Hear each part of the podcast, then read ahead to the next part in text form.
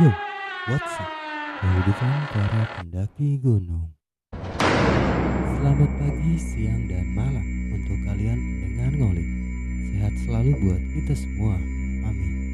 Setelah episode sebelumnya, masih sama nih bintang tamu gue, Bang Nardi, salah satu kreator dari YouTube Besok Pagi Channel. Doi mau lanjutin lagi nih cerita dari kejadian yang paling serem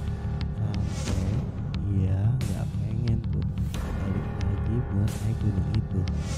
Ya gunung Roma so listen up mari kita dengarkan ngolik ngocehnya Waini Chapter 3 Pendakian Gunung Ceremai. Setelah di chapter 2 kita kulik-kulik tentang cerita mistis di Gunung Agropuro. Nah, buat yang sekarang ini Om Nardi bakal cerita ini, gengs, tentang pendakian yang memang itu dia diganggu oleh makhluk astral. Kita boleh langsung aja kali ya. Kita sikat Om Nardi buat diceritakan. Oke, langsung aja nih Will ya. Yuk, lanjut. Jadi ini pengalaman yang balik ke gunung itu lagi Will. Oke, ini di gunung mana nih yang bakal lu ceritain nih sekarang? Ini gua akan menceritakan pendakian gua waktu ke Gunung Ciremai Will. Itu Oke. pada tahun 2012 atau 2013. Hmm, Uh, gua agak sedikit lupa ya. Nah, waktu kita lulus sekolah tuh tahun berapa sih? iya 2012 lah. ya. 2012, 2013 kan ya? 2012 13. Iya. Benar Nah, benar. Lupa gue juga. Waktu itu gue lagi ngumpul nih Wel di Oke. salah satu rumah teman gue yaitu di daerah Jombang. Oke. Nah pas gue lagi ngumpul tiba-tiba temen gue ini si Obat. Eh, mungkin lu kenal juga ya? Oke, obat. Iya soalnya kan temen SMK kita dulu. Ya. Bener nggak? Benar benar. Kayak gimana watak tuh anaknya seperti Iya. apa ya kan lu Eh. mungkin udah tahu. Nah Tapi emang kalau daki gunung harus sih ya tentang ngomong jangan sembarangan.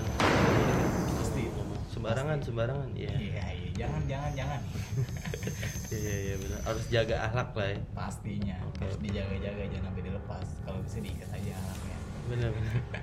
terus terus gimana gimana. Nah, lanjut ke cerita nih, Wel. ya. Oke. Pas di malam itu, obat ini nyeletuk ya ke teman-teman gue nih. Jadi gue itu tuh nongkrong nih berempat, Wel. Gue nongkrong berempat, gue, Reja, TB, sama Mas Dimas. Nah, Mas Dimas ini abangnya si TB. Jadi gue nongkrong ya sama yang tua-tuaan lah. Oke. Nah, obat ngajakin, nah Mas Dimas ini mengiyakan ajakannya si obat ini. Hmm.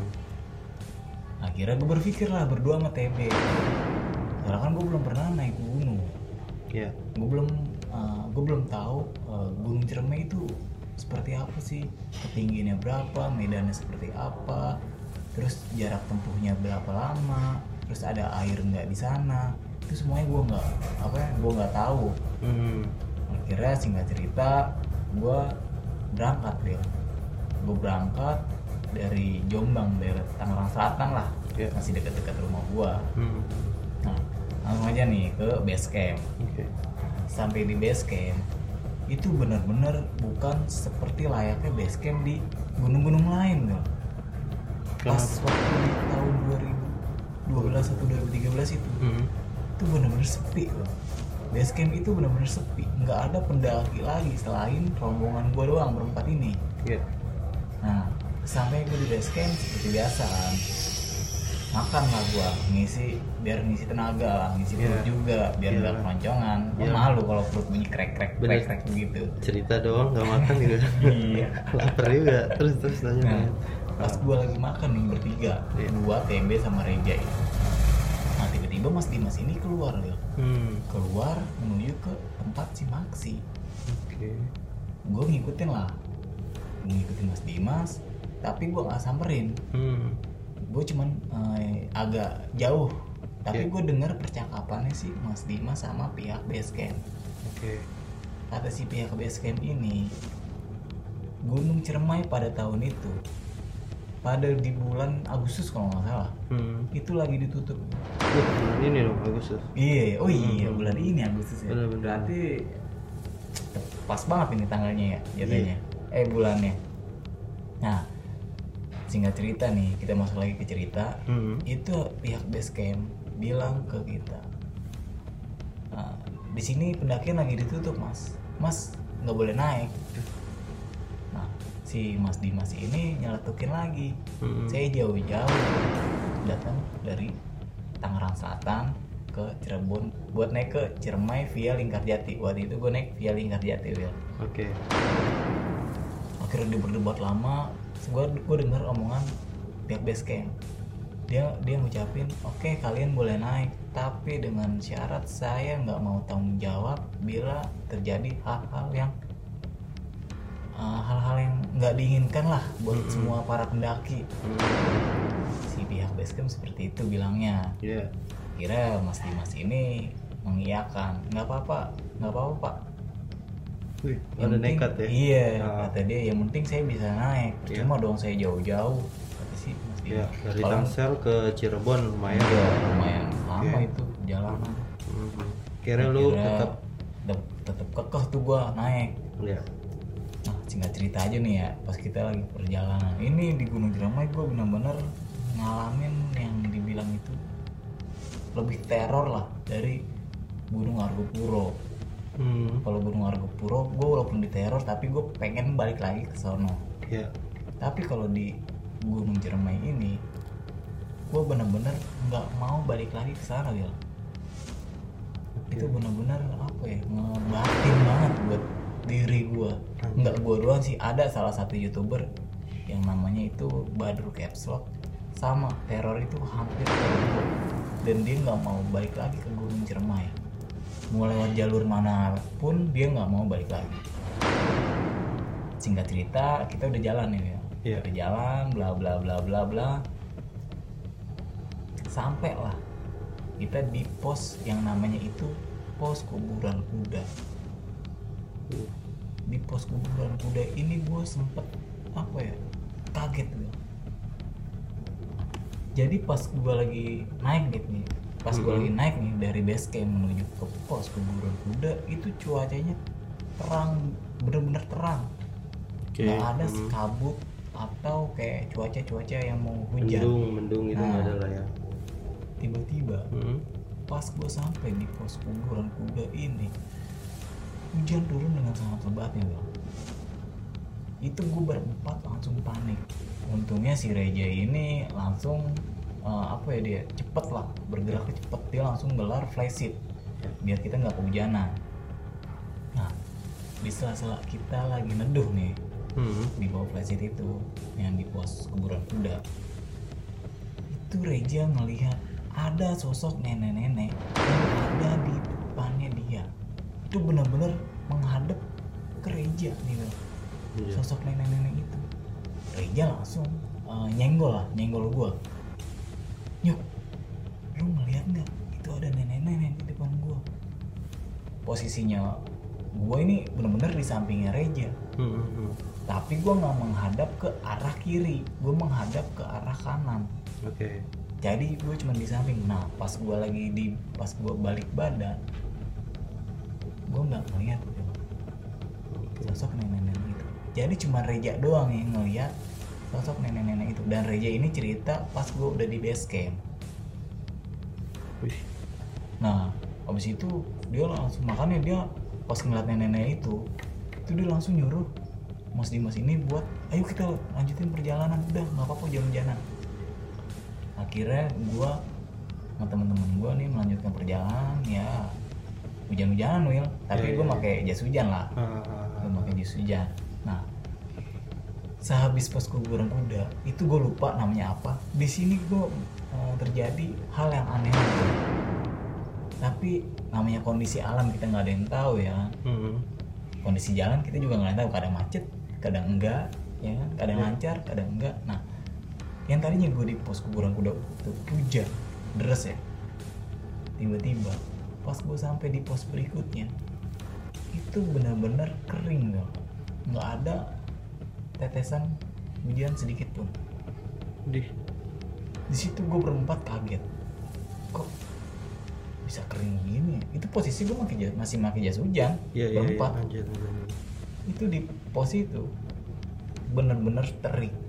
Sampai kita kepanasan. Namanya pakai jas hujan kan ngap ya? Iya benar akhirnya mau nggak mau lah, kita lepas lah tuh jas hujan. Sambil berpikir kok bisa kayak gini akhirnya Mas Dimas ngejelasin. Ya namanya lagi di alam kita nggak ada yang tahu. Cuaca seperti apa ya? Mungkin kita jalan 5 meter kita jalan berapa langkah hujan berapa langkah lagi kering. Hmm, ini namanya di hutan. Tetap positif tinggi lah ya. Iya Mas Dimas itu nyuruhnya kita buat berpikir positif lah. Hmm, Nah lanjut lagi nih. Di situ gue sempet beristirahat agak lama. Kan gue beristirahat gue lumayan lama sekitar setengah jam. Di situ gue melanjutkan perjalanan lagi nih menuju ke tempat camp gue jadi gue itu ngecamp ntar di yang namanya itu pos Sangga Buana 2 oke. Nah, Mas Dimas sudah merencana kita bakal ngecamp di Sangga Buana 2 Hmm. tapi itu nggak nyampe kita nggak nyampe di Sangga Buana 2 kita ngecamp itu di pertengahan tanjatan Bapak Tere. Nah balik lagi nih. Selesai kita beristirahat tuh sekitar 30 menit. Hmm, kita melanjutkan perjalanan menuju ke tanjatan Seruni. Itu tanjatan yang benar-benar oh, gokil.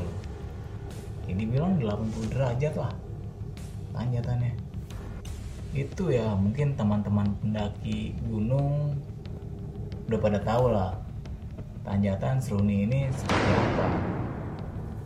Nah, pas gue naik naik naik naik wah itu benar-benar nguras tenaga tuh. Sampai lah gue lolos nih di tanjatan Seruni itu sekitar jam 3 atau jam setengah empatan. Nah sampai di selesai gue ngelewatin tuh tanjatan Seruni gue sempat beristirahat tapi nggak begitu lama sekitar 10 menitan. Lanjut lagi ini lebih gokil lagi Will apa tuh gangguan bukan tanjatan lagi. Iya. oke masih di tanjatan. Masih di tanjatan. siap. nah yang ini lebih gokil. Namanya tanjatan itu namanya tanjatan Bapak Tere mungkin teman-teman semua juga udah tahu kenapa ini yang disebut Bapak Tere lah. Nah gue jalan jalan jalan. Di situ gue hampir kepleset tuh itu benar-benar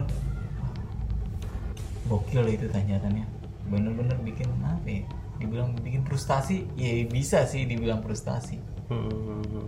nah curam banget lah ya Wah, ngelebihin dari tanjatan Seruni lah dibilangnya. Hmm, oke oke oke Nah, balik lagi ke cerita. Gue perlahan jalan tuh pelan-pelan. Tapi masih gandengan. Posisi pendakian gue waktu itu Mas Dimas ini di depan. Mas Dimas di depan, gue di belakangnya. Di belakang gue ada TB dan di belakang TB ini si Reja, eh si Obat. ya Reja itu Reja obat Nah, Reja itu Reja Obat Ya. maksudnya. Nah, pas di pertengahan Hmm, pas di pertengahan tanjatan Bapak Tere itu sekitar jam 6 itu gue mendengar ada suara gamelan di kuping kiri gue dan suara azan di telinga kanan gue itu yang denger nggak gue doang. Semua anak-anak. Semua rombongan gue denger. Empat empatnya udah denger. Di sini gue sempet bertanya nih bising-bising lah. Hmm, ke Mas hmm. Dimas. Mas lu denger nggak? Ada suara gamelan udah dimin aja kata Mas Dimas ini. Ya udah gue akhirnya di pertengahan tanjatan Bapak Tere itu Iya. kan kayak ada ya ada dataran lah. Ada dataran gue break di situ. Sambil menunggu suara gamelan itu hilang. Dan suara azan itu hilang.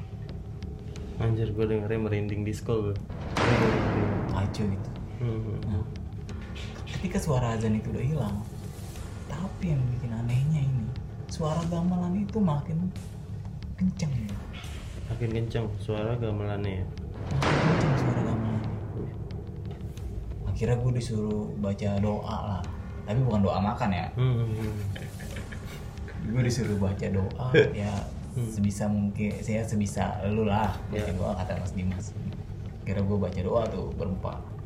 Baca doa alhamdulillahnya Bil. lima menit kemudian suara itu hilang Bil. suara itu hilang akhirnya Mas Dimas ini eh, bilang ke si Reja kan soalnya kan gue perjanjiannya itu ngecamp di Sangga Buana 2 Iya. soalnya gue nyampe di Tanjat Mapet aja udah jam 6 lewat. Hmm, udah gelap lah ya. udah gelap. Hmm, nah sedangkan gue bawa headlamp itu cuma dua. Oke. akhirnya Mas Dimas ini mutusin buat ngecamp di pertengahan Tanjatan Bapak Tere. Yaudah akhirnya Reza sepakat ngecamp lah kita di situ di sini kejadian yang benar-benar tapi di sini bukan gue yang ngalamin sih Wil. tapi si obat ini yang ngalamin Hmm.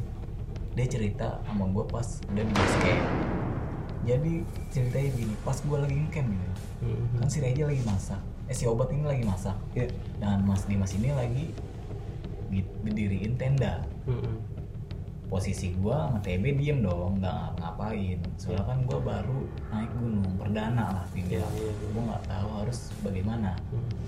Kira gua Pertama disuruh lah. naik gunung. nah benar akhirnya gue disuruh sama Reja lu ngapain berdua bengong di situ mendingan lu nyari kayu buat bikin api unggun Hmm.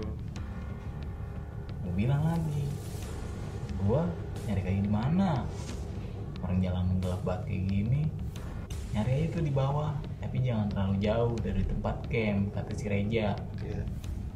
akhirnya gue berdua sama TB ini nyari kayu lah nyari kayu gue tapi cuma bawa senter satu Will jadi si TB ini narik narik baju gue nih Will Hmm. dari belakang biar dia nggak hilang ada gue juga ngeri kalau dia hilang malam-malam. iya, iya, iya. Nah, posisinya nih, pas gue lagi nyari, pas gue lagi nyari kayu nih, Wel, itu gue denger ada suara panggil nama gue, dari atas, dari tempat camp gue. Hmm. Suaranya begini, Nar, lu ngapain di situ? Itu suaranya nggak sekali, Wel. Itu dua kali gue senggol lah TB ini posisinya ada di belakang gua Be, lu denger gak ada yang suara manggil iya gue denger atas TB Iya. nah TB ini bilang ke gua coba kita dengerin lagi coba kita dengerin sekali lagi kalau benar-benar itu antara suara gaib atau suara teman-teman gue yang manggil gua buat suruh naik ke atas Iya. gue dengerin suara itu masih ada Will Lu sempet nengok gak? Lu cari tahu. gue sempet nggak sempet belum mencari tahu sih jadi gue sempet kayak agak berhenti gitu Hmm. buat ngepastiin itu suara benar-benar suara dari teman-teman gue apa suara gaib Iya, iya, iya. iya. nah pas suara kedua kalinya itu gue langsung buang kayu yang tadi gue lagi cari tuh Hmm. gue buang langsung gue lari sama TB berdua balik lagi ke tempat ngecamp gue Iya. lu mau tau yang terjadi di tempat itu itu tiba-tiba Hmm. Reja sama Mas Dimas itu nggak ada yang tadinya Reja lagi masak sama Mas Dimas lagi di tenda itu benar-benar sepi hening jadi waktu di pendakian Gunung Ciremai ini cuman rombongan gue doang ya? Hmm. nggak ada rombongan pendaki lain. Ya, karena kan memang balik lagi dari base camp tuh nggak ngizinin kan. iya tapi Mas Dimas ini memaksakan. iya, karena lu udah jauh juga dari Iya, benar. Kebayang sih, ya, oke. oke. balik lagi ke cerita. Panik dong gua. Dia Reja Mas Dimas ke mana? Nanya gua sama TB "Be, tahu nggak?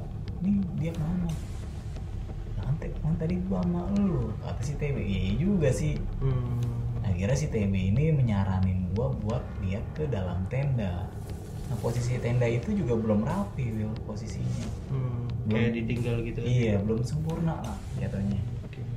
Nah, pas gua masuk ke dalam tenda, itu tiba-tiba Mas Dimas sama Reja ada di dalam tenda lagi rungkep kayak ketakutan begitu.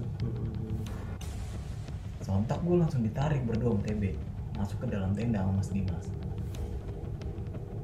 Akhirnya gue diinterogasi lah sama Mas Dimas.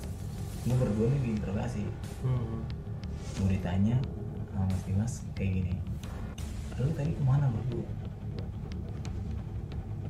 lu ngapain di samping pohon gue digituin langsung ditembak kamu gue ngapain gitu di samping pohon kan tadi gue lagi nyari kayu disuruh obat. Hmm. berdua sama Ini beneran. Jadi yang nanya ini si Mas Dimas si Reja ini nggak nanya ke gue dia kayak bener kayak ketakutan gitu kayak ngeliat Iya, iya, iya. kayak ngeliat setan lah. Hmm, hmm. gue bilang gue bilang ke Mas Dimas demi Allah Mas gue lagi nyari kayu sama TB berdua. Gue nggak ada di samping pohon. Dan gue nyari kayunya juga di bawah bukan di samping tenda. Terus yang di samping tenda siapa? Jadi kenapa Reja bisa ketakutan kayak gitu? Hmm. si Reja ini cerita juga Bel di bawah.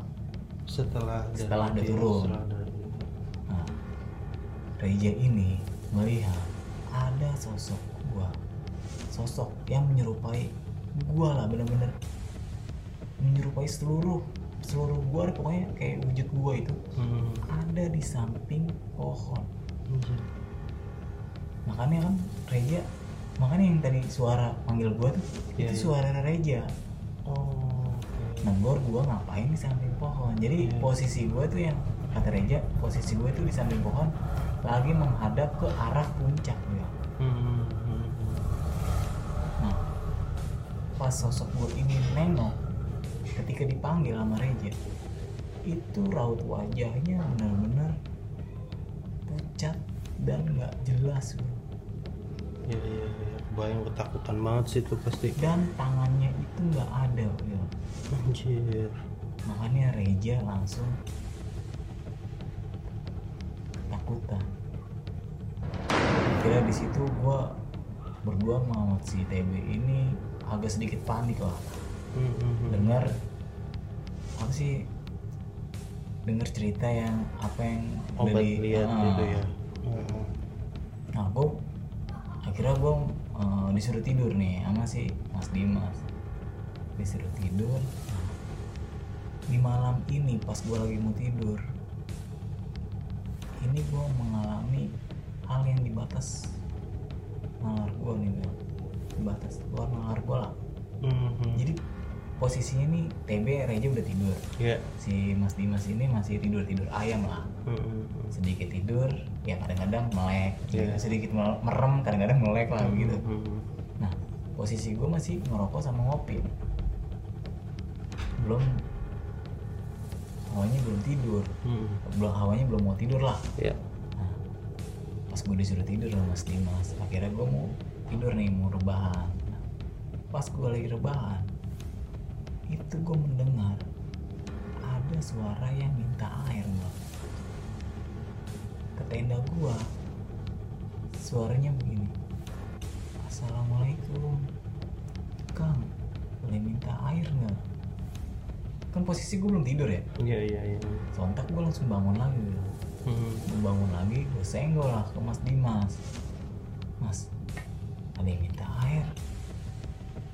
Ya udah kasih aja tapi yang anehnya orang ini nggak ada suara langkah jalan jadi kalau misal orang kalau jalan dulu hutan nih pakai sepatu mungkin ya Hmm, sepatu hmm, pastinya ya Iya, iya. kan pasti ada suara tek tek tek Iya. ini bener-bener nggak ada suaranya cuman suara minta air doang akhirnya gue kasih Hmm. Tapi Jadi- orangnya ada pas tuh pasti. Nah, jadi pas gue lagi mau ngasih, jadi gue bawa dua drigen nih, Hmm. 5 liter, 5 liter. Ya. Nah, yang 5 liternya itu udah agak setengah yang satunya, Hmm. gue keluarin dong. Hmm. Tapi gue nggak keluar semua Will, Iya, gue iya. cuma ngeluarin tangan gue doang. Oh. Gue buka, rating tendanya, Oh. gue keluarin lah. Drigen gue, Ya. gue bilang ke si akang ini, ambil aja kang, sebanyak mungkin gue gitu ya. Nah, pas gue udah ucapin begitu ya, Hmm. itu tiba-tiba nggak ada suara lagi Bel. Ya sekarang begini aja ya, air yang dari drigen dituang ke botol itu pasti ada suaranya dong. Iya, iya, iya. Pasti ada kan? Hmm. Ini posisi gua masih agak berdiri lah, agak Hmm. duduk Hmm. Hmm. duduk lah pokoknya posisi duduk tapi belum tidur gue masih Iya, iya. dengerin pas gue dengerin itu bener-bener nggak ada suaranya Wil Hmm. kepo dong gue Hmm. akhirnya gue tengok tapi gue nengok cuman kepala doang gue gue Hmm. keluar kepala doang Hmm. pas gue tengok keluar itu tiba-tiba nggak ada orang Oke. di luar Oke. berarti yang minta air itu siapa Hmm.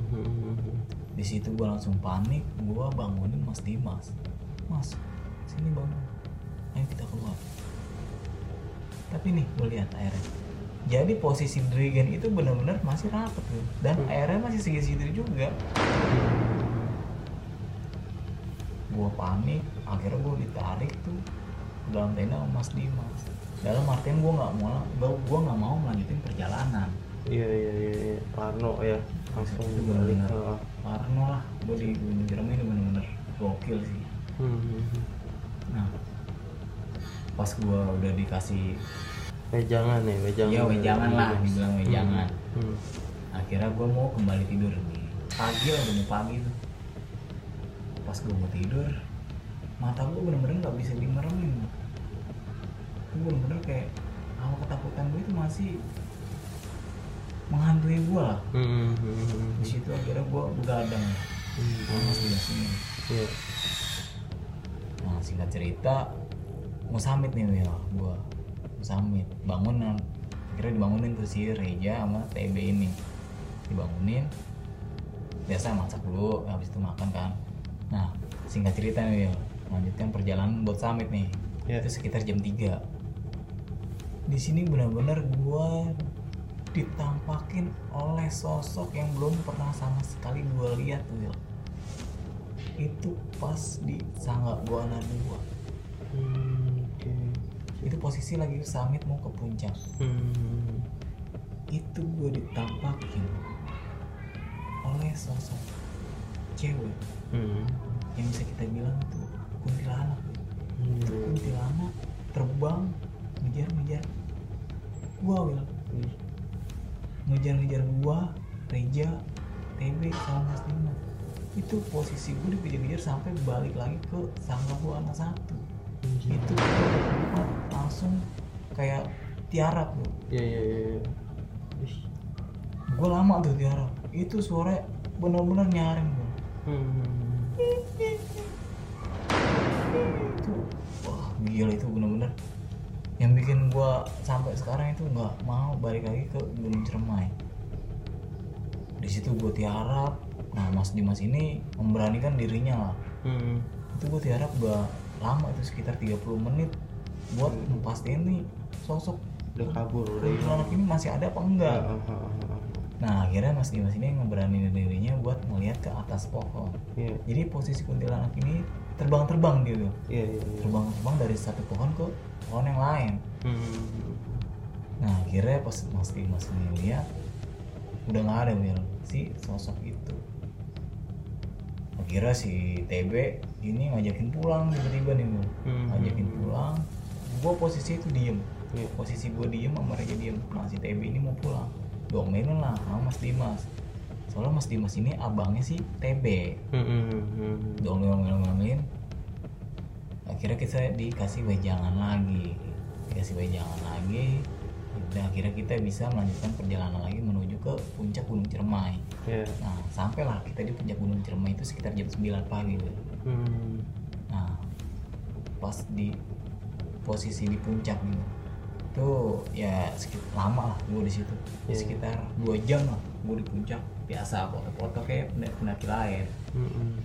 Nah, singkat cerita nih, turun lah gue nih, turun rombongan gue. Nah, pas kita lagi mau turun ya, itu Mas Dimas tiba-tiba bilang, nah, gue duluan ya, nanti ketemu di tenda.